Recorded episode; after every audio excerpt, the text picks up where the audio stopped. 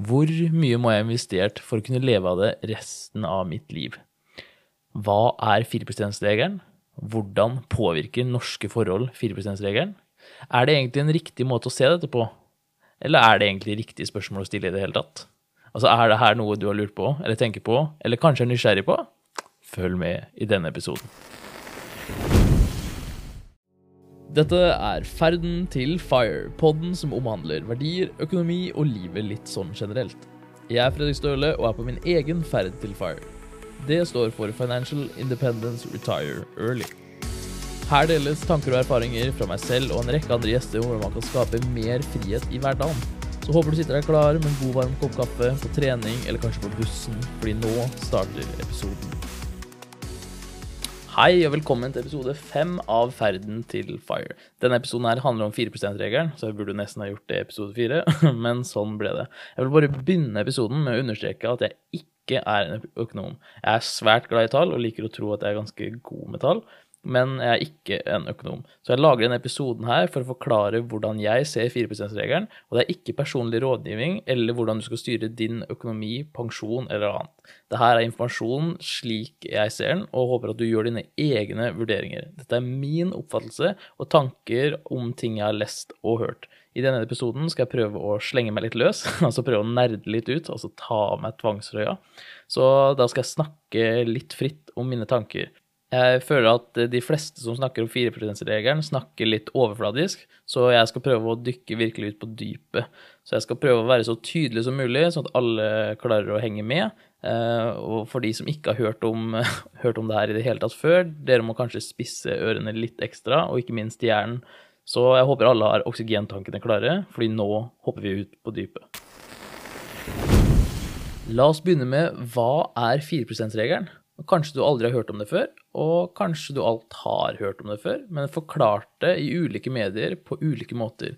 Og ofte så blir den gjengitt litt feil, så jeg skal prøve å være tydelig. Det er egentlig to studier som underbygger denne regelen i gåseøyne, eh, men den som siteres mest, og egentlig der det kommer fra, det er The Trinity Study, gjort i 1998 av William Bengen. Grunnen til at det heter The Trinity Study, er fordi at det ble gjort på universitetet Trinity. Målet med studiet var å finne ut hvor mye kan du dra ut av en portefølje for å få den til å vare. Majoriteten av pensjonsforvaltere på den tiden hadde egentlig ingen anelse om hvor mye man kunne bruke. Bransjestandarden var egentlig tenkt slik at man kunne bruke det som var avkastning, så fritt som mulig, så lenge man ikke rørte startsaldoen. Så la oss si du begynte med 10 millioner på, på børs, da. Så så lenge du hadde minst 10 millioner, så kunne du bruke alt overstridende. Så det var det som ble ansett som OK. Så ut ifra hva rådgiveren din antok som var markedsavkastning, altså nå snakker jeg ikke real avkastning her, hvor som er inflasjonsjustert, men bare markedsavkastning, så kunne de råde at du brukte f.eks. mellom 8 til 12% av din portefølje årlig. Ut ifra deres subjektive vurderinger. De hadde kanskje noe backlog som de gjorde antakelser ut ifra, men det var veldig lite som faktisk var backa av fakta. Det er for det meste subjektive vurderinger fra rådgivere. Problemstillingen studien ønsket å finne ut av, er hvor mye kan du ta ut av en portefølje med 95% eller høyere sikkerhet over en 30-årsperiode uten å gå tom for penger, og hvilken fordeling mellom aksjeinvesteringer og obligasjoner er mest optimalt. Så en avrunda konklusjon ble at man kunne bruke 4% av sin startbeholdning for å så inflasjonsjustere det her hvert år, og ta ut et beløp da, hvert år i 30 år eh, ved årsskiftet. da. Dette betyr at man hadde da en 4% safe withdrawal rate, altså forkorta til SWR. Dette er et viktig begrep innenfor pensjonspraten, og spesielt innen FIRE. Og i denne episoden så kommer jeg til å bruke safe withdrawal rate ganske ofte, så det er et greit begrep å huske. Og bare for å være veldig tydelig her, det å ha en 4% safe withdrawal rate, det betyr at man tar ut 4% av porteføljen sin det første året, for så å inflasjonsjustere det beløpet hvert år. Irrelevant om det er mer eller mindre enn 4% av din portefølje. Så det vil si at f.eks. hvis du har 10 millioner på, eh, når du går ut i FIRE da, og begynner å ta ut uttak, så tar du jo for å ta ut 4% så er det da 400 000. Neste år da så tar du inflasjonsjusterer 400 000 og tar det ut av beholdningen. irrelevant om det er mindre eller mer enn 4% av beholdningen. Du tar ikke ut 4% av beholdningen hvert år. Så Trinity-studien den hadde da et tidsrom fra 1925 til 1995, altså 51 år hvor de testa alle eh, mulige 30-årsperioder for å se om hvilke som fungerte. Dette her inkluderte veldig kjipe perioder som var under andre verdenskrig, så det at USA ikke tapte det her, hadde nok et stort utslag. Den optimale fordelinga som ble funnet mellom aksjer og obligasjoner, det var 60% i aksjer og 40% i obligasjoner. Bill Benging gjorde også en oppdatert versjon i noen senere år, hvor han så på flere muligheter. Ettersom den første studien den tok egentlig bare for seg large cap-aksjer. Eh, det betyr eh, aksjer fra store selskaper, store etablerte selskaper. Men så gjorde han en ny test med small cap, altså mye mindre selskaper. De her har jo da ofte mer potensial til å vokse, men også mer potensial til å gå eh, konkurs. da. Så det er høyere volatilitet. Så eh, med å inkludere small cap stocks, så økte jo 4 eh, safe withdrawal-raten til 4,5 Så i 2009 kom det en oppfølgingsrapport for Trinity-studien som het eh, Pensions, Retirement Planning and Economics Blog, Trinity Study, Retirement Withdrawal Rates and a Chance for Success, updated through 2009. Kjempelett tittel. Hvor de så på et datasett som eh, var en lengre tidsperiode. For den fulle dataen for de som kunne pensjonere seg som 55-åring, altså da ha 30 år som uttak mellom 1926 til 1980, eh, var det bare de som pensjonerte seg i 1965 og 1966 som ikke ble ansett som suksess. Det vil si at 53 av 55 av pensjonsåra ble sett som suksessfulle. Det vil da bli en 96% suksessrate, som er over 95 da. Og bare sånn at dere er klar over hva suksess er. Suksess er at etter 30 år så har du mer enn null kroner på konto. Hvis du har én krone på konto, så er det da eh, regna som suksess. Eller om du f.eks. har femdobla det du starta med. Altså begge de to regnes da som suksess. Så nå har vi en viss forståelse av hva Trinity-studien vil frem. Men er det her noe vi kan gå ut ifra? Altså Den originale ble jo gjort i 19 1998. Og ja, det har kommet noen studier som backer opp i etterkant, men eh, vi ønsker egentlig oss en lengre periode enn 30 år. Altså hvis du har lyst til å pensjonere deg som 40-åring, da, eller enda tidligere enn det, er 30 år egentlig da relevant? Og det skal sies at majoriteten av tilfellene i Trinity-studien så endte du opp med mye mer enn det dobbelte du starta med. Jeg tror snittet var seks ganger det du starta med. Så med litt logisk tenkning kan du jo tenke at etter den 30-årsperioden så kan du begynne en ny 30-årsperiode, da over 60 år, hvor du har f.eks. seks ganger så mye som du starta med. Men det blir fortsatt litt diffust, selv om det egentlig er en valid måte å tenke på. Bare ikke så nøyaktig. Så i 2022 så kom det en rapport som het The Updated Trinity Study for 2022. More withdrawal rates av The, av The Poor Swiss. Uh, denne studien her det uh, tok for seg ganske mye, og et mye større datasett. Altså det tok for seg et datasett fra 1871 til 2022. Og det her er jo da et tidsspann på 151 år, i motsetning til den originale, som tok et tidsspann på 54 år. Altså det er nærmest en 200% økning av datasett, eller datamengden, da. Og det her er ganske signifikant, fordi at eh, den første, altså selv om det var 54 år, så kan man jo egentlig bare teste 24 30-årsperioder i der. Men i den i 151 år, der kan man jo teste 121 30-årsperioder. Så det er jo over fem ganger økning. Det som også gjorde denne studien ekstremt spennende, er at den så, ikke så for seg bare 30-årsperioder, men 40-årsperioder og 50-årsperioder. Og så så man på alle all, allokasjonsfordelinger mellom aksjer og obligasjoner fra 100% aksjer til 100% obligasjoner, med 25% hopp derimellom. En annen forskjell var også at den gikk ut ifra at uh, du solgte beholdningen din hver måned istedenfor hvert år, ettersom det her var mer penger i markedet over lengre tid, så man ikke var like sårbar til ustabile markeder. Uh, det blir jo litt sånn der dollar cost averaging, på en måte.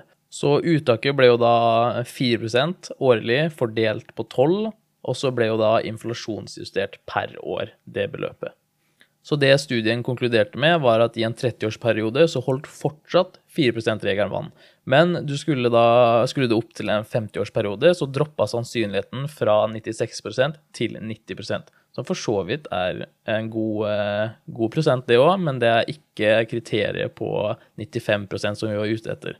Så for å få en 95% suksessrate, så måtte vi droppe det ned til 3,5 safe withdrawal rate. Men da hadde du også en 98% suksessrate. Men noe som man kanskje kunne ha tenkt seg frem til, men som studiet påpekte ganske klart, det var at uh, ut ifra hvor lenge du ønsker å dra ut penger, så har allokasjonsfordelingen mer å si mellom aksjer og obligasjoner. Da. Og det har ganske mye å si, for så vidt. Siden jo lengre du ønsker å ta ut, jo mer burde du lene deg inn i aksjer. Men det er kanskje noe vi intuitivt kunne tenkt. For hvis du skal spare i lengden, så er jo aksjer vanligvis bedre enn det å ha på konto. Så f.eks. hvis du hadde en 3,5% safe withdrawal rate over 30-årsperiode med 100% aksjer, så var eh, scenarioet med høyest sannsynlighet som kom til å skje, det var da at du hadde seks ganger høyere eh, enn ditt startbeløp.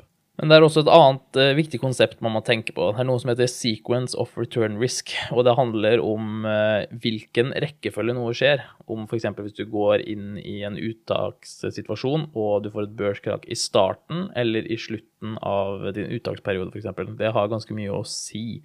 Fordi opplever du et fall på starten, så vil beholdningen din nesten ikke ha en sjanse til å vokse opp igjen, i hvert fall hvis du har en høy uttaksrate. Fordi eh, det er så eh, Du driver på og tar ut mye av den, og den har ikke hatt en sjanse å vokse større. Men skjer det i slutten av din periode, så har det nesten ingenting å si, siden da har mest sannsynlig beholdningen din vokst seg så ekstremt stor. Så selv om aksjer har en større sannsynlighet for å overleve, spesielt en større sannsynlighet for å vokse seg ekstremt stor, så ønsker jeg å spørre deg følgende.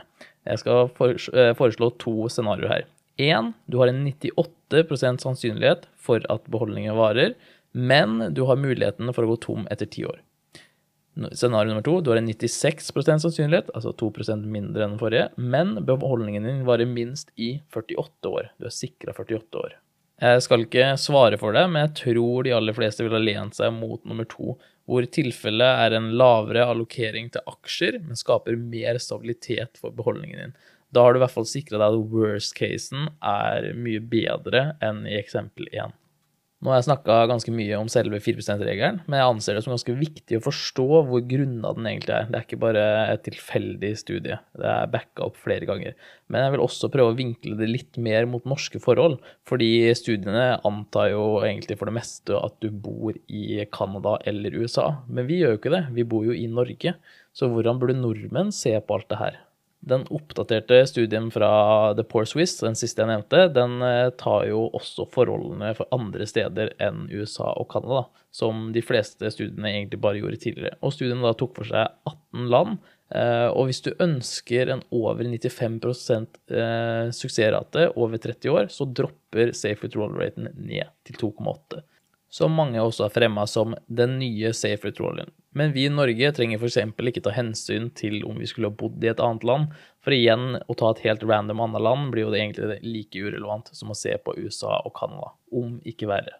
Norge var ikke en av landene som ble sjekka, dessverre. Den nærmeste som var oss, det var Danmark. Altså de som gjorde det eh, De fire landene som gjorde det best, det var da Canada med 4 eh, USA med 3,9 New Zealand med 3,8% Danmark med 3,7 da, som er det nærmeste eh, oss i den eh, studiet der. Men over verden generelt, eh, hvis i snitt, så var det ansett som at en 3,5 safe roll rate var et ganske så greit estimat. Men igjen, det er ikke helt Norge. Det er bare en estimering. Men noe som egentlig er ganske komisk med Fire og Norge, det er jo at vi er jo kanskje den landet som er mest fire i hele verden. Altså, vi har jo oljefondet. Det er jo basically eh, Hele nasjonen vår er jo fire. Oljefondet er jo Norges fire-beholdning og gjør stadig undersøkelser på hvor mye man kan ta ut for å bruke i dag uten at det skal gå utover fremtidige generasjoner. Altså i teorien vare for alltid. Det her er det samme som fond for universiteter gjør i USA, hvor de skal bruke nok til eh, elevene sine i dag, men ikke gå på bekostning for, eh, for, eh, elever i fremtiden. Men slik jeg har skjønt, så er det ikke sånn finansieringsmodellen er for universiteter i Norge, så vi får ikke helt de samme undersøkelsene her. Men nok om det. Tilbake til oljefondet. Altså Selve oljefondet har over lang tid hatt en maksgrense på uttak eh, og på sitt forbruk på 4% årlig. Altså Dette er et fond som skulle vare mye mer enn 30 år, og anså det som en god maksgrense. Det her skal sies at den her er redusert til 3% nå, noe som eh, jeg kan også tenke meg er fornuftig, ettersom vi skal, at den skal vare i all evighet. Men måten vi enkeltpersoner burde tenke på, spesielt i Norge, er å bruke den informasjonen her, tenker jeg, er at det er unødvendig å ligge under hva oljefondet tenker. Altså, for uh, den skal jo vare for alltid, og jeg tror ikke vi helt er teknologiske der at uh, vi sjøl kan leve for alltid. Og den skal også hensynta en voksende befolkning, så hvis du ikke har planer om å generere flere og flere barn som du må forsørge, så blir jo heller ikke det helt relevant for deg. Så hvis uh, oljefondet har satt sin maksgrense på 3 så tror jeg vi fint kan ligge over den. Oljefondet har også visse etiske retningslinjer, noe som holder den for så vidt ikke i hele markedet. Så om du dropper det, kan du også muligens forvente en litt høyere differanse. Men det er ut ifra hva du ønsker å putte pengene dine i. Så hvis du ikke ønsker å følge globale indeksfond f.eks., men oljefondet, så har jo f.eks. Kron, den investeringsappen, den muligheten. Der har du muligheten til å investere, eller hva skal jeg si, få aksjesparekontoen din til å investere som oljefondet. Eh, så hvis du ønsker å følge nasjonens eh, jeg si, trend, så kan du gjøre det. Men da vil jeg også påpeke at da er du høyt korrelert med nasjonen. Da er jo hva si, ditt safety net, da, som er oljefondet, korrelert med din investering. Så du får sjøl ta en beslutning om du anser det som lurt eller ikke.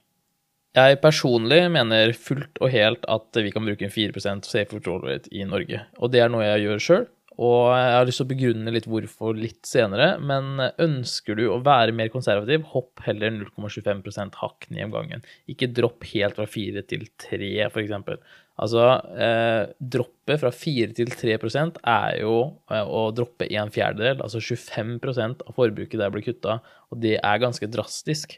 Altså 0,25 eh, eh, er nok mer enn nok å ta om gangen. Så f.eks. gå til 3,75, eller hvis du er veldig konservativ, 3,5 men nå kan jeg kanskje høre noen av dere tenke eller si mot meg Men herregud, Fredrik, du har jo ikke hensyntatt skatt eller noe av de greiene eller forholdene vi har her i Norge. Det er jo derfor jeg mener vi burde droppe til en 3% safe withdrawal rate. Og min respons til det det er at det har ingenting med safe withdrawal rate å gjøre. Safe withdrawal rate er en diskusjon og en samtale som handler om hvor mye du kan ta ut av en portefølje. Det handler ingenting om hvor mye av det uttaket du får lov til å bruke. Disse studiene er også noe som ser på ting i litt som et vakuum. Så det tar jo ikke for seg sånne eh, ting som skatt og kostnader på fond osv. Så, så hvis du er glad i realfag sånn som meg, eh, og er glad i beregninger, så blir det det samme som å f.eks. regne noe uten luftmotstand eller friksjon. Så da blir det vårt ansvar å finne ut hva den reelle friksjonen er, da. For å forklare det her kanskje litt mer relaterbart til dere som ikke er så glad i realfag, så kan vi f.eks. For forestille oss at vi skal bake en kake. Og denne kaken her, i denne oppskriften står det f.eks. at vi skal bruke 3 dl sukker, 3 stykker egg, 5 dl hvetemel og 1 dl melk. La oss uh, si det. Og her tenker vi sjelden på de sukkerkornene som blir igjen i litermålet, eller melken som ikke renner helt ut av det vi målte det i, eller kanskje det ligger noe eggehvite igjen i eggeskalla, eller kanskje ikke egga var riktig dimensjon som det i oppskriften, altså for et egg er jo ikke prikk like. Men det her spiller jo sjelden mye rolle når man baker en kake, fordi man har såpass gode feilmarginer. Og på samme måte, når man er ingeniør, så gjør man beregninger, og så ekskluderer man visse faktorer som ikke har så mye å si, som f.eks. Eh, friksjon, da. Det spørs hva du regner på, så klart. Men i Trinity-studien er det viktig å være klar over hva de inkluderer, og hva de ikke inkluderer. De har hensyntatt inflasjon, men f.eks. ikke skatt og forvaltningskost. Dette mener jeg var helt riktig, ettersom studien ikke kan hensynta hvilken kost du velger å ha på ditt fond, eller skatteregler du har i din stat da, i USA, eller det landet du bor i. Og hvis f.eks. disse reglene endrer seg over tid, så blir jo studien helt irrelevant. Så det er jo ting du må hensynta sjøl, og egentlig noe du må beregne inn i ditt forbruk. Så når du skal ta 25 ganger ditt årlige forbruk, så må jo ditt forbruk også inkludere skatten du skal betale, og forvaltningskosten på, på selve eh, fondet ditt, osv. Så, videre. så det er noe viktig å tenke på. Men jeg har et forslag på å se litt annerledes på det, sånn at vi kan forenkle det oss litt for oss sjøl. Så jeg har lyst til å introdusere et nytt begrep som heter da safe spend rate. Dette er altså det du kan bruke av uttaket ditt. Så hvis du tar ditt årlige forbruk og ganger det med 25, så antar du en 4% safe roll rate. Men hvis du også da antar at du kan bruke 4, eh, eller all den summen der, så har du også da en 4% safe spend rate, forkorta til SSR. Men vi kan ikke bruke alle disse pengene, fordi noe går jo tapt til forvaltningskost og skatt osv. Så, videre. så da vil jo din SSR, eller safe spend rate, være lavere enn din safe withdrawal rate. Grunnen til at jeg har lyst til å få fram det begrepet her, det er fordi at jeg hører mange, sammen, mange folk sier at ja, men jeg hensyntar skatt ved å ta en 3% safe withdrawal rate. Det her gir egentlig null mening. For det du egentlig sier, er at du tar 3% ut av din portefølje, men du sier ingenting om hvor mye du antar å bruke av det. Og per dags dato så sier jo noen at uh, de bruker en 3% safe withdrawal rate. Da kan de jo enten mene at de egentlig tar ut 4% men har tenkt å bruke eh, 3% av det. Da har de jo egentlig en 4% safe withdrawal rate og en 3% safe spend rate. Eller det kan hende at de mener at du faktisk skal ha en 3% safe withdrawal rate. Men da er det to forskjellige ting man snakker om, og da har man heller ikke hensyntatt skatt eller noe annet. Av det jeg har lest og prøvd å finne ut, så er ikke det her noe etablert begrep noe sted. Det er noe jeg har si, funnet på sjøl, bare for å skape den dialogen og tenke litt om det sjøl. Så hvis du vet om det her begrepet fra et annet sted, så gjerne informer meg, så skal jeg prøve å bruke korrekt terminologi. Men per nå så har jeg ikke sett det noe sted, så da har jeg egentlig bare skapt det for meg sjøl. Så her er det to forskjellige diskusjoner vi kan ha, som ikke er så korrelerte med hverandre, som vi må passe på ikke overlapper. Én handler om safe withdrawal rate. Det handler om hvor mye du kan ta ut av en portefølje, slik at den overlever tidshorisonten du ønsker at den skal overleve. Og nummer to, det er hvor mye av det beløpet du kan ta ut og bruke, altså safe spend rate. Det er to forskjellige samtaler. Så for mine mattenerder der ute, så har jeg da inkludert enda et begrep for å få matten til å synliggjøres lettere, og den kaller jeg for spend ratio. Så det vil si at din SSR, altså Safe Spend Rate, den er da safe withdrawal raten din ganger spend ratioen.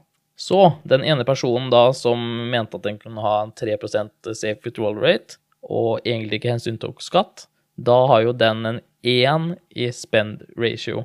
Så det vil si da at 3% ganger 1 er 3. Så da vil også den safe spend raten være 3% men for den andre, som kanskje mente at den skulle ta 4% ut og bruke 3% den har da 0,75 i spend ratio. Så da vil 4 eh, ganger 0,75 være 3% Skjønner du forskjellen her? Så det er en ganske viktig, markant forskjell. Og hvis vi snakker forbi hverandre, så er det veldig vanskelig å bli enige om noe. Så det her er for å skape en dialog, slik at vi kan si, være mer presis med hva vi mener. Så håper ikke du datt eh, helt ut av lasset, og håper det var egentlig litt forståelig. Det gjør kanskje ting litt mer komplisert å tenke over, men det gjør også til at vi kan være mer presis. Og spend ratioen den vil variere ut ifra hvordan du har lyst til å bruke pengene dine. Så det blir mer individuelt. Og ja, det kan hende at det høres mer komplisert ut, men det gjør også til at vi kan være mer nøyaktig. Og da blir jo følgespørsmålet, som jeg tenker en del av dere får sitte med, ja, men helsike, da. Hva er en eh, riktig spend ratio? Jo, det skal vi hoppe inn i. Så la oss se på hva som påvirker din SR, eller spend ratio, her i Norge. Jeg er muligens ikke klar over alt, men det jeg er klar over i Norge, som eh, er å dra ned din spend ratio, det er jo da forvaltningskosten av det du investerer i formuesskatten og inntektsbeskatninga, om den da treffer det. Men så har vi jo ting som hjelper oss riktig vei òg, og det her er jo da bunnfradraget og formuerabatten for aksjer, personfradraget og skjermingsfradraget. Å gud a meg, nå ble det komplisert. Nei da, det er ikke så ille som det kanskje høres ut, så vi tar én om gangen. Forvaltningskostnaden, det her er jo hva fondet ditt koster, og derfor er jo vi innad i FIRE-miljøet veldig stressa over å ha lave utgifter her. Og hvis du ønsker aktive forvalta fond, så må jo du tenke at det her må utklassere passive ganske sterkt for at utslaget skal være verdt det. F.eks. hvis du har et eh, fond som koster 0,3% som da er relativt dyrt for et indeksfond, så trekker jo, din, trekker jo det direkte fra din safe withdrawal rate. Så la oss si du har en 4 eh, safe withdrawal rate, så vil jo det valget gjøre til at du skaper en 0,93 SR. Altså 7% av det, si, uttaket ditt på 4% blir spist opp. Så hadde du f.eks. Eh, gått ned til en 3% safe withdrawal rate, så ville jo din SR da vært 0,9, og da blir 10% av det du tok ut, blir spist opp. Så jo lavere din safe withdrawal rate, jo viktigere er det med lave kostnader på fond. Men et veldig normalt fond i disse dager, det er jo KLP Aksjeglobal 5. Den har for så vidt jeg ganske mye penger i sjøl. Eh, som er, har en forvaltningskost på 0,18% Om du har under 10 mil investert, eh, som jeg regner med er mesteparten av dere, dette vil da utgjøre en 0,96 eh, SR. da. Så på en 4% safe withdrawal rate, så vil bare 4% av uttaksbeløpet bli spist opp. Forvaltningskostnadene slipper vi dessverre ikke unna, men vi kan prøve å holde den så lav som mulig og velge de billigste fondene som dekker det vi ønsker å dekke. Indeksfond i USA ser ut til å være ekstremt mye billigere enn i Norge, så jeg setter jo noen normale der kan jo være en på 0,03% altså seks ganger billigere enn KLP sitt aksjeglobal 5 f.eks. Eh, så vi burde jo egentlig kunne ha lavere kostnader på fond. Altså ETF-er kan ha lavere kostnader, men av noen av dem så kommer det også altså plattformavgift inn i bildet. Eh, men det her skal jeg innrømme at jeg ikke har megakompetanse på. Jeg har sett meg litt inn i det, så per dags dato så kjører jeg på med KLP sine sjøl. Så får jeg heller komme tilbake til dere om jeg finner et smutthull eller noe optimal løsning i fremtiden. Og sleng meg gjerne en melding om du har noe innspill her. For eh, jeg er alltid åpen for å lære noe nytt. Så nummer to er formuesskatten. Altså eier du bare aksjefondene dine, så må du betale for å eie de. Samtidig som vi eh, får formuerabatt på dette. da. Så om jeg ikke tar feil, så er formuesskatten per dags dato på 1% og du får en 7% formuerabatt på dem. Det betyr da at eh, fondene dine koster en 0,8 som går rett på din SR. For å gjøre det hakket mer komplisert, så har du jo bunnfradraget her. Så hele porteføljen din, om, er, eh, om det er det eneste eier, så har du jo muligheten egentlig til å eie 2 millioner 125 000 før noe formuesskatt ble trukket, og så blir det bare på det overstridende beløpet. Men som de fleste nordmenn så eier du kanskje bolig, kanskje hytte, kanskje det er andre ting, kanskje du har en dyr bil. Så bunnfradraget ditt kan fort være spist opp på andre ting. På samme måte så må jo egentlig også eh, porteføljen din klare å bære formuesskatten på andre objekter du eier i tillegg, hvis ikke dem klarer å dekke seg sjøl. Dette gjør det jo mer individuelt, men oppfordrer jo også til mer minimalisme. Så jo mer du eier, jo mer blir du jo sinka. Nummer tre, her har vi da inntektsbeskatninga.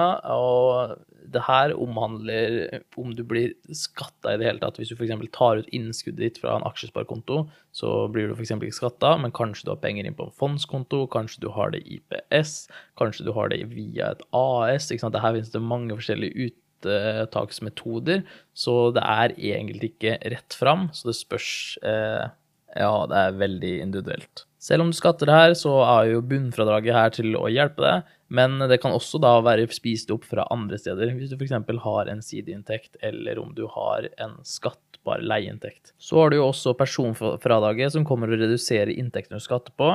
Så det her er jo ikke at den trekker direkte skatt, men den reduserer det du betaler skatt på. Reduserer det per dags dato med 58 250 så det betyr ikke at du skatter 58 000 mindre, men det betyr at du betaler skatt på 58 000 mindre. altså, eh, det var dårlig forklart. Men la oss si du, du tar et uttak, eh, eller skal skatte en inntekt på 200 000. Så istedenfor å betale skatt på at du har en inntekt på 200 000, så kan du fjerne 58 000 av det. Altså da skatter du som om du tjente 142 000 istedenfor. Det kan høres ut som at ting faller i grus, men mye av vår reddende engel er jo også da skjermingsfradraget, som følger styringsrenta, og nå stiger jo den for så vidt, så da forsvinner jo mye av skatten av uttaket. Så for eksempel hvis eh, du har en safe withdrawal rate på 4% og skjermingsfradraget er over 4% så er det bankers. Da skatter du ikke på det. Så her er det mye hjelp å hente. Ofte i tøffe tider der eh, markedet blir slått hardt, det er jo ofte når renter i hva si, sentralrenter og sånt stiger. For da det blir nesten som en sånn slags gravitasjon som drar selskaper ned på bakken igjen. Men da stiger ofte også sentralrenta, som gjør at den øker øker, herregud, øker skjermingsfradraget, som gjør til at du får mer valuta ut av pengene. Så, og da når styringsrenta synker, så er det jo ofte en god økonomi, men da er også beholdninga di større. Så det er en slags sånn der motvekst eller balansefaktor, da, så det er jo egentlig litt interessant.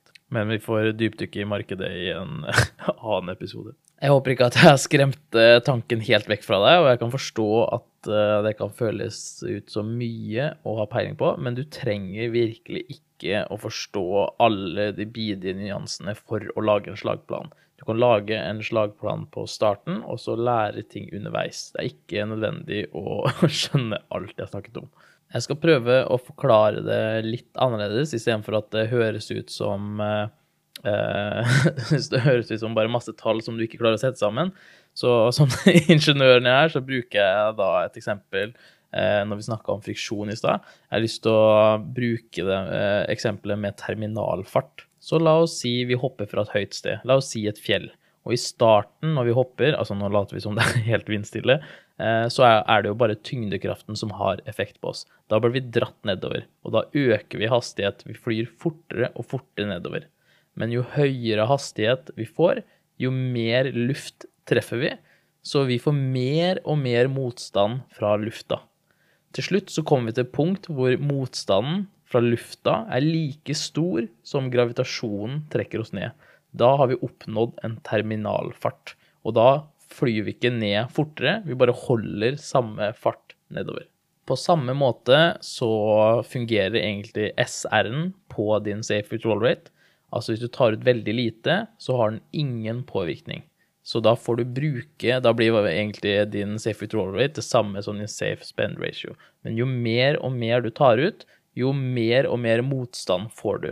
Men motstanden øker ikke det uendelige. Terminalfarten, eller skal man si den høyeste SR-en, eh, eller laveste SR-en blir det da, eh, du får, er egentlig 0,45. Men du skal ha ganske mye inne før du treffer 0,45. Og den vil jo da starte fra 1 og gå nedover til da terminalfarten ditt. Og så fint med rundetall, så er ca. terminalfarten oppnådd på 100 millioner investert. Så når du har oppnådd 100 millioner i en aksjesparekonto, grattis først og fremst hvis du har kommet dit, da har du på en måte oppnådd terminalfarten, så da vil du ikke bli sinka mer. Og da er den på 0,45, da.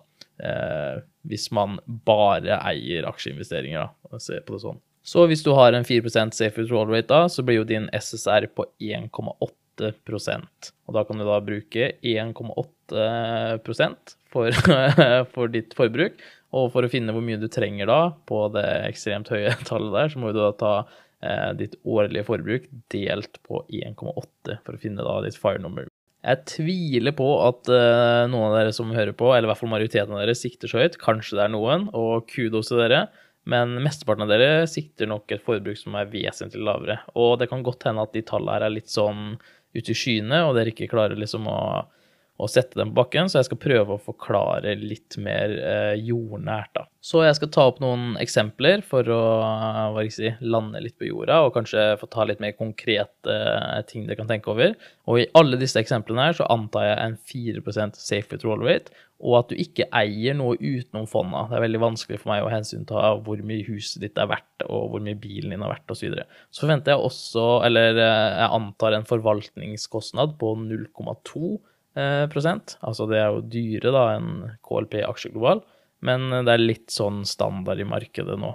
Så hvis du har en beholdning på 1 million kroner, og da er det egentlig bare forvaltningsgebyrene som kicker inn. Så da har du en eh, SR på 0,95.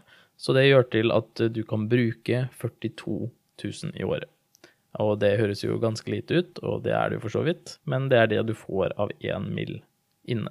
Øker du din fondsportefølje eller beholdning til 2 millioner, så synker din SR til 0,8.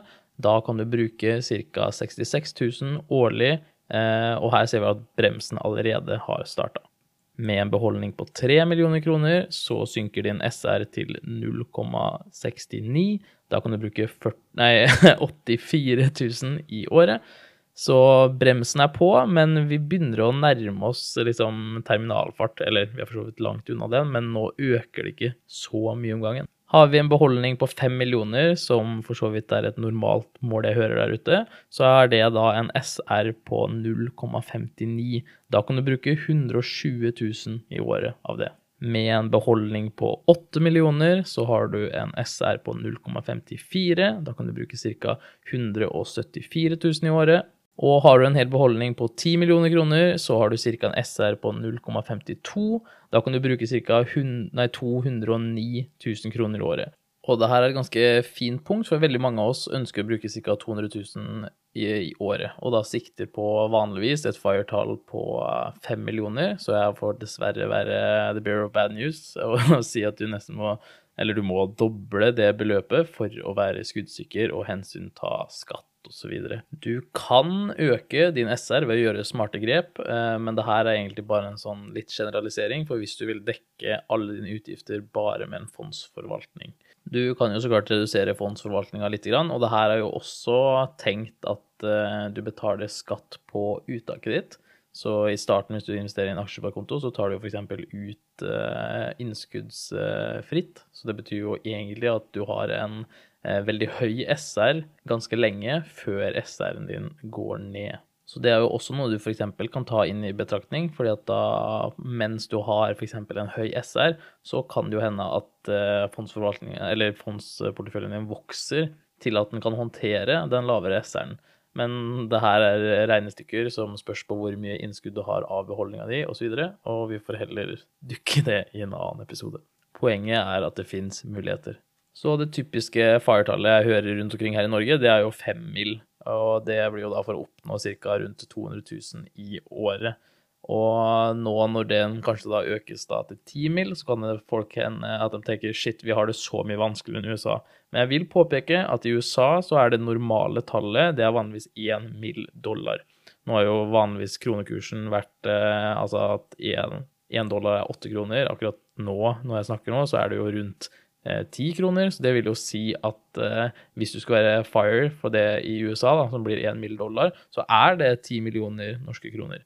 Og gjennomsnittslønna i Norge er mye høyere, og vi har en mye lettere sparepotensial enn de i USA. Vi har også et sikkerhetsnett som hjelper oss hvis det skulle gå til helsike, og vi har egentlig ganske mange goder. Noe av det skumle i USA er at du må liksom klare å forutse helsekosten din lengre ned i løypa, og det er en stor usikkerhet.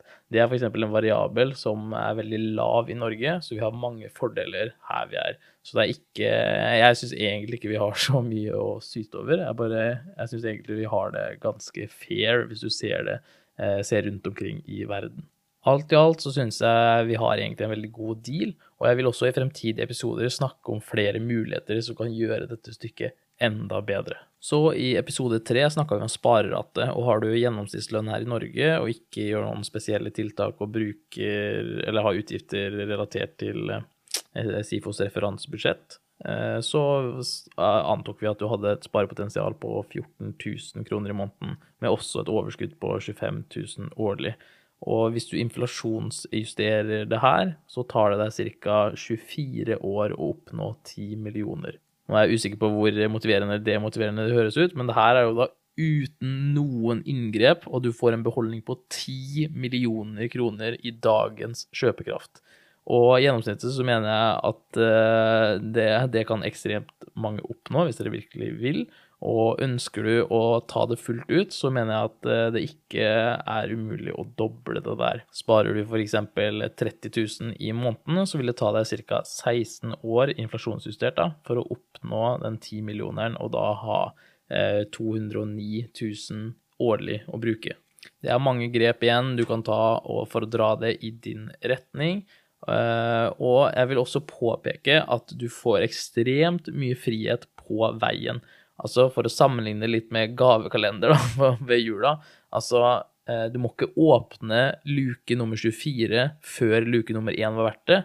Eneren er verdt det, toeren er verdt det, treeren er verdt det, og fireren er verdt det. Du trenger ikke alle. Så om 200 eh, 000 i året ikke er ditt uh, uttaksmål, og du har noe annet, og du lurer på helsike hvordan er det jeg skal regne meg fram til hva jeg skal ha, så ville jeg ikke ha f.eks. brukt terminalfarten på en SR på 0,45, men kanskje foreslått en SR på 0,6 med en safe roll rate på 4. Det vil da si at du har en SSR på 2,4.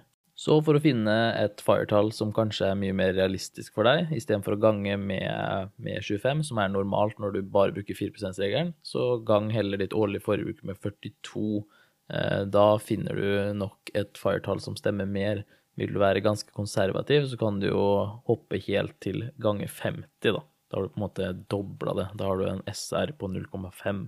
Husk at dette er tenkt som at du får all dine penger fra aksjemarkedet. La oss si f.eks.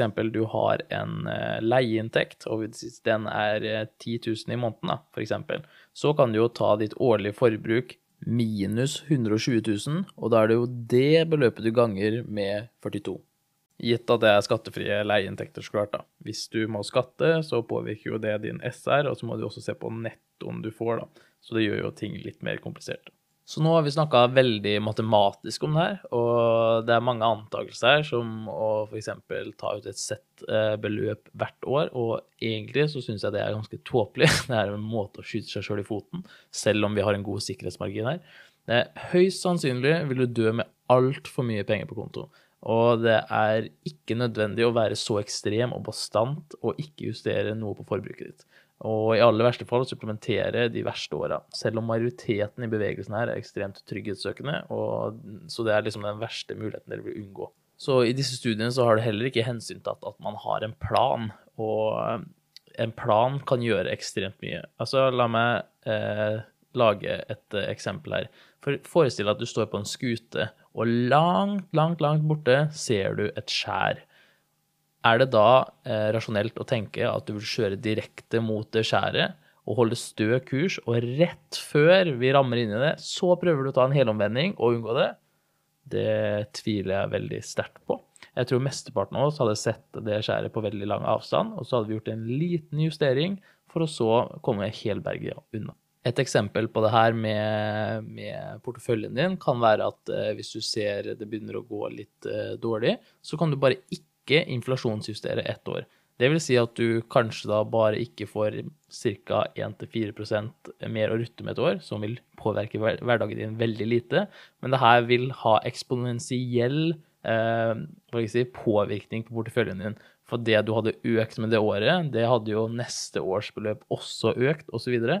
så hvis du f.eks. ikke inflasjonsjusterer én, og kanskje da til og med tre år, som er veldig lite sannsynlig, da har du mest sannsynlig da berga deg unna alt. Studien tar heller ikke hensyn til at eh, porteføljen din bare plutselig droppa med 50 over natta, og du, da skal du egentlig bare holde dine faste, faste trekk. Og hvis du da sant, bare reduserer forbruket ditt litt, så kan du save deg inn kjempelett.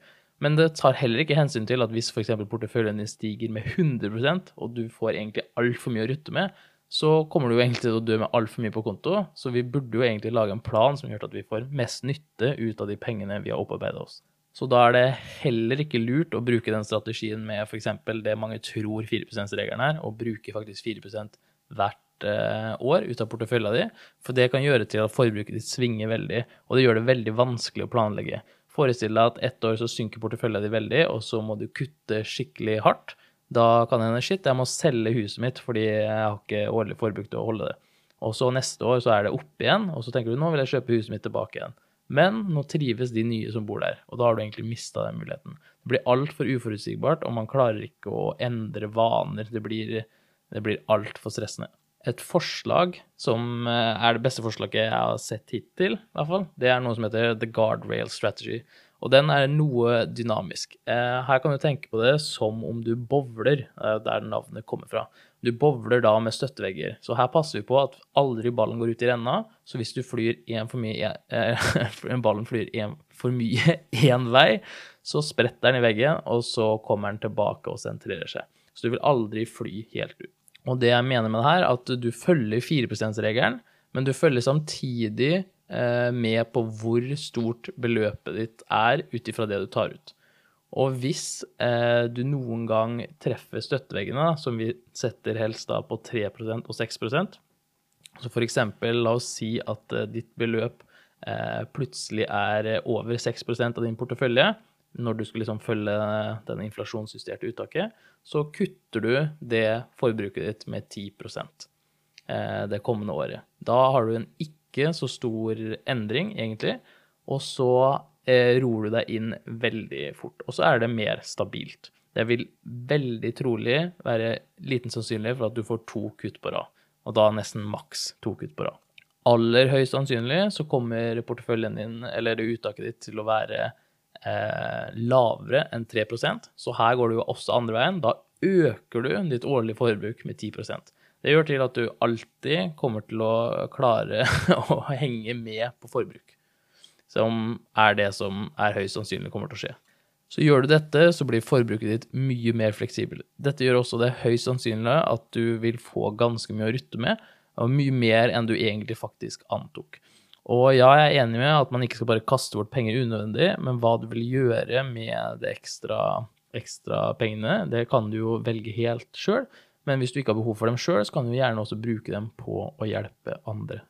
Så jeg er usikker på om dere husker det eksempelet jeg nevnte litt tidligere i episoden, der hvor du hadde to muligheter. Én var at du hadde en 90% 98 eh, eh, sjanse for å opprettholde en 4% sparerate. Det var da over 50 år.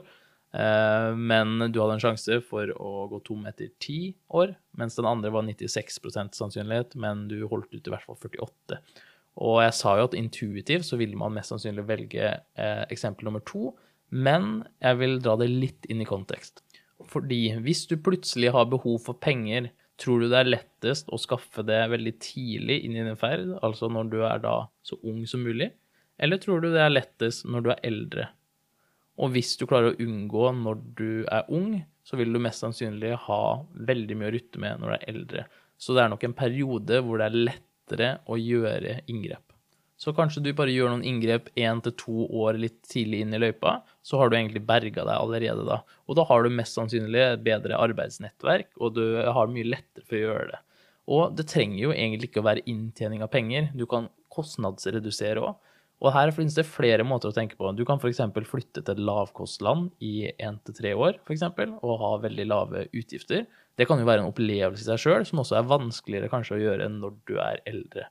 Og det kan jo være en helt win-win-scenario. Så jeg vil påpeke at gjennomsnittsinvestoren eh, gjennom 4 %-regelen i 30 år, eh, de kunne ta ut mellom 7 og 13% Det er langt over eh, 4% Så det er jo det som er mest sannsynlig. Men vi prøver jo så klart å unngå det verste. Nå snakker jeg litt fra levra her, men eh, hvis du har strategier på plass, altså sånn som Guardwell-strategien, så mener jeg at eh, du kan egentlig ha en ganske så høy safe withdrawal rate når du starter. Eh, er du under 40 år før når du oppnår fire, så ville jeg kanskje fortsatt, fortsatt oppfordra en 4 safe withdrawal rate.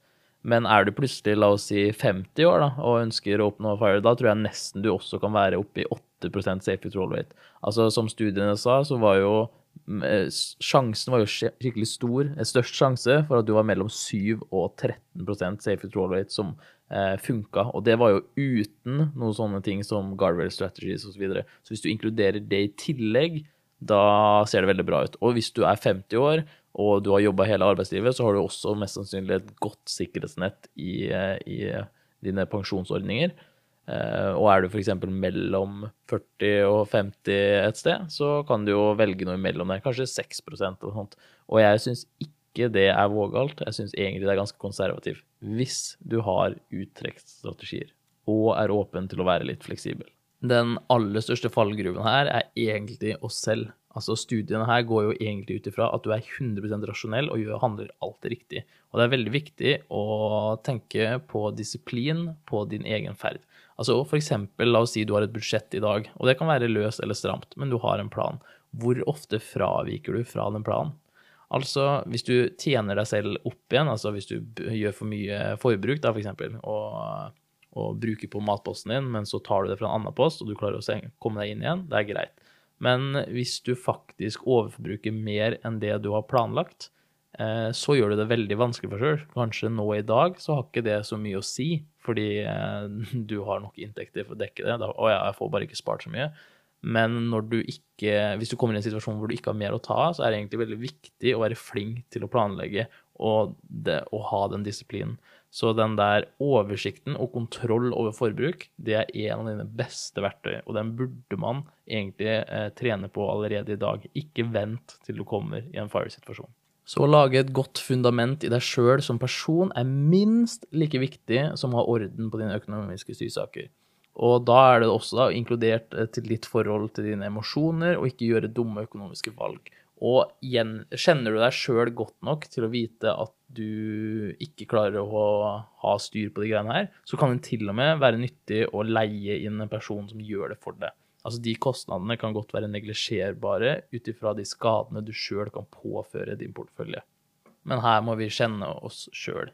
Og det er jo så klart billigere å ikke leie noen, men da må du være ganske sikker på at du har kontroll over dine egne følelser og handlinger, og klarer å holde deg til en plan. Jeg vil også påpeke at den største faktoren til din suksess er faktisk ditt skillset og inntjeningsevne. Og det høres kanskje litt bakmål ut at du skal ha muligheter til å tjene penger når vi skal komme til en situasjon hvor du skal ikke tjene penger. Men hvis du har lett for å tjene penger i de verste eh, tidene, eh, og kan unngå de børsfallene, så hvis det kommer et børsfall, så kan du bare avlaste litt der og da, så kan du egentlig øke din safe withdrawal rate nokså mye. Og da kan du egentlig også gå ut i en fire-situasjon mye tidligere, hvis du bare er åpen for å komme tilbake til et arbeid eller avlaste ett-to år, f.eks., når det er nødvendig. La oss si du har muligheten til å oppnå fire, da, kanskje fem år tidligere, om ikke mer, bare, eh, men du er åpen for å gå tilbake i én-to år når det kaller, f.eks. Martin Sailman skrev en eh, rapport på The Perma Theory of Wellbeing og mener at eh, de fem punktene som skaper et godt liv, det er da positive følelser, engasjement, relasjoner, mening og oppnåelse. Og en jobb du brenner for, selv om den ikke har noe høy inntekt, er en veldig god kilde for å oppnå engasjement, mening og opplevelse, og kan også delvis bidra til de to andre. Så det blir jo en slags oppfordring til å ikke stoppe å jobbe, så mest sannsynlig så kan du jo også ha en inntekt gående. Selv om jeg skjønner at det er det vi på en måte unngår å ønske, men jeg tror majoriteten av oss ønsker å ha noe form for arbeid. De meste som jeg har snakka med i fagmiljøet, ønsker jo det, og hvis du tar det inn i betraktning, så kan du jo oppnå det også ekstremt mye tidligere. Det er aller størst sjanse at vi dør med for mye hvis vi følger den planen her. Og det er viktig å fokusere på at du har nok som du, øh, du trenger, men jeg syns det er veldig viktig at vi, vi lever øh, livet våre ut ifra de mulighetene vi har, og ikke lar det diktere av frykten inni oss. Så det at du må ha en 100% suksessrate hvor du ikke er villig til å rykke på noe, øh, det ser jeg litt som unødvendig. Så klart du skal få lov til det hvis du vil, men du har muligheten til å ta deg mye mer frihet før da, hvis du er åpen til litt fleksibilitet.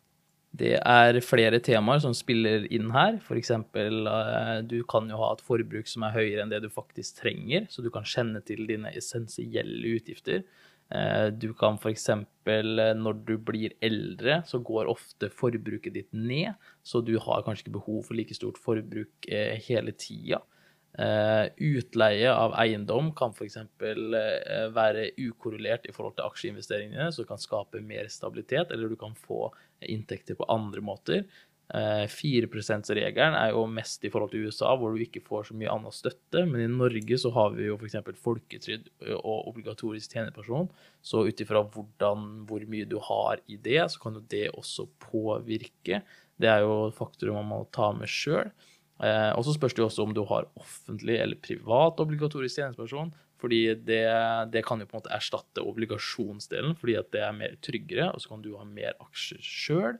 Så alle disse punktene er jo veldig spennende, og det påvirker eh, stykket, men eh, det blir veldig individuelt. Så jeg kan for så vidt hoppe inn i eventuelle andre episoder, men blir litt for mye å ta i denne.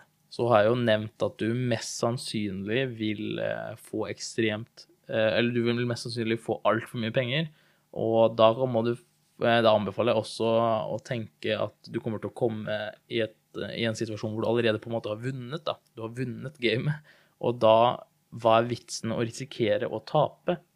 Så selv om du på en måte kan ha masse aksjer for å eskalere høyt opp, så vil jeg jo da kanskje Du kan jo se mange milliardærer i dag òg som kanskje ikke har den mest offensive porteføljen, men de er eh, fornøyde med det de har, for de har allerede på en måte vunnet gamet. Så hvorfor risikere å tape? Men mer om det i en eventuelt uttaksepisode. Så da har jeg lyst til å ta et lite sammendrag av den lange episoden her. Eh, og tusen takk for at du har klart å holde ut så lenge. Jeg vet ikke om du husker alt vi har vært igjennom. Men eh, først og fremst, jeg mener at 4% safe withdrawal rate det er helt innafor å bruke. Så syns jeg vi burde se på noe som heter eh, spend ratio, for å finne din eh, safe spend rate. Altså hva det koster å Eller hvor mye av uttaket ditt du får bruke.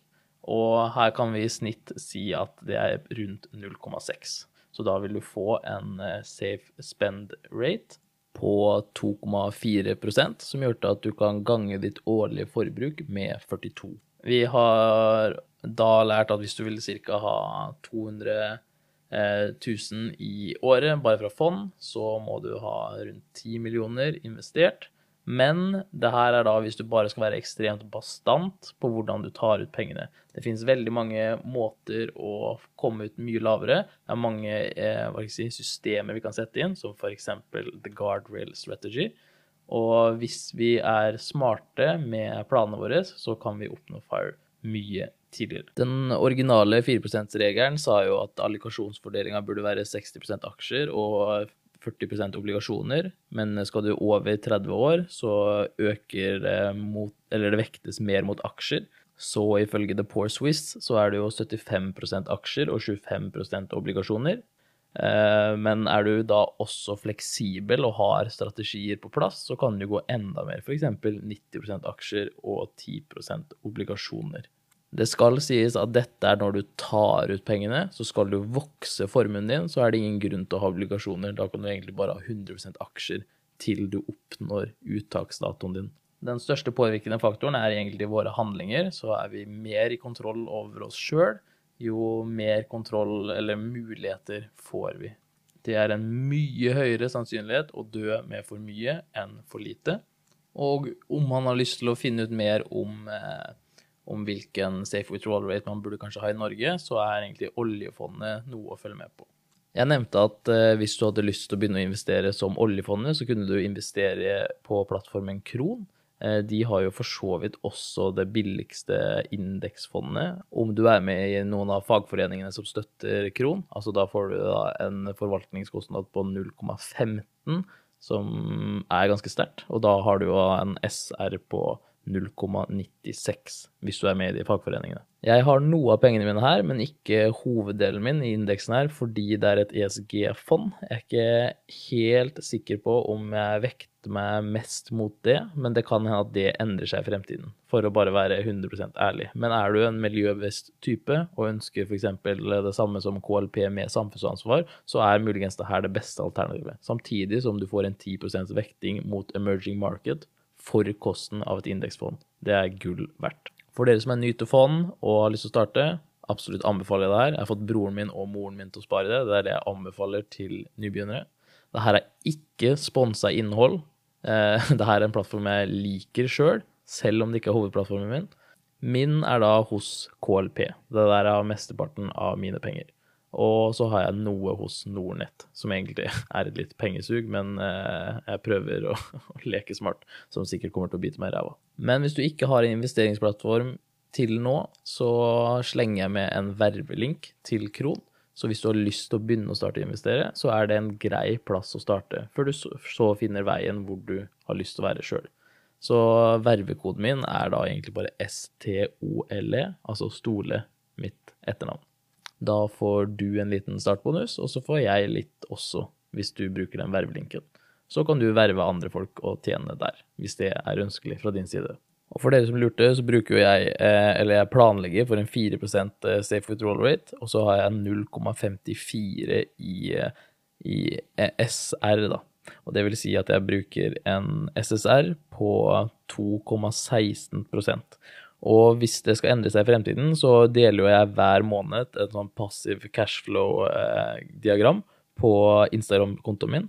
Og øverst innad i det kakediagrammet så står det på venstre side min safe withdrawal rate, og på høyre side min SR. Så da kan du f.eks. se om jeg endrer den fremover i tid. Mitt dagens firetall er jo også 6 millioner kroner, og det her er jo langt under de 10 millionene som man skal ha for 200 000 i året. Så når jeg sier at det er mange faktorer å spille på her, så mener jeg det, og det skal vi da plukke opp i andre episoder. For jeg, jeg syns i hvert fall ikke sjøl at jeg har lagt opp til å leve et ekstremt stusslig liv. Så i forhold til denne episoden så kan det jo høres ut som firetallet mitt er lavt, men jeg har hensyntatt skatt og inflasjon og honorarer og alt mulig rart. Så ja. Håper dette var en episode du setter pris på. Altså, Den var ganske tidkrevende å lage for min del, men også veldig spennende. Det utfordra meg sjøl på flere områder, men er relativt fornøyd med produktet. Så likte du det, fortell meg det gjerne, og vær så snill, gi meg en rating i podkast-plattformen du hører på. Det betyr ganske mye for meg. Og har du muligheten til å skrive en review òg, gjør det gjerne. Da blir jeg veldig glad. Og del gjerne innholdet med noen du tror kan synes f.eks. denne episoden her er spennende for. Og har du lyst til å få noe mer informasjon, eller lurer på noe, eller har bare lyst til å slenge meg en melding, gjør det gjerne på Instagram. Der svarer jeg relativt fort. Så håper ikke oksygentanken deres gikk tom, at dere kom tilbake til overflaten uten å drukne og ble glad i å dykke så mye spennende under vann. Jeg skal stoppe med metaforene nå. Så Ellers håper jeg du da har eh, hatt en riktig fin dag, en god opplevelse mens du har hørt på episoden her. Så håper jeg du får en god økonomisk fremtid.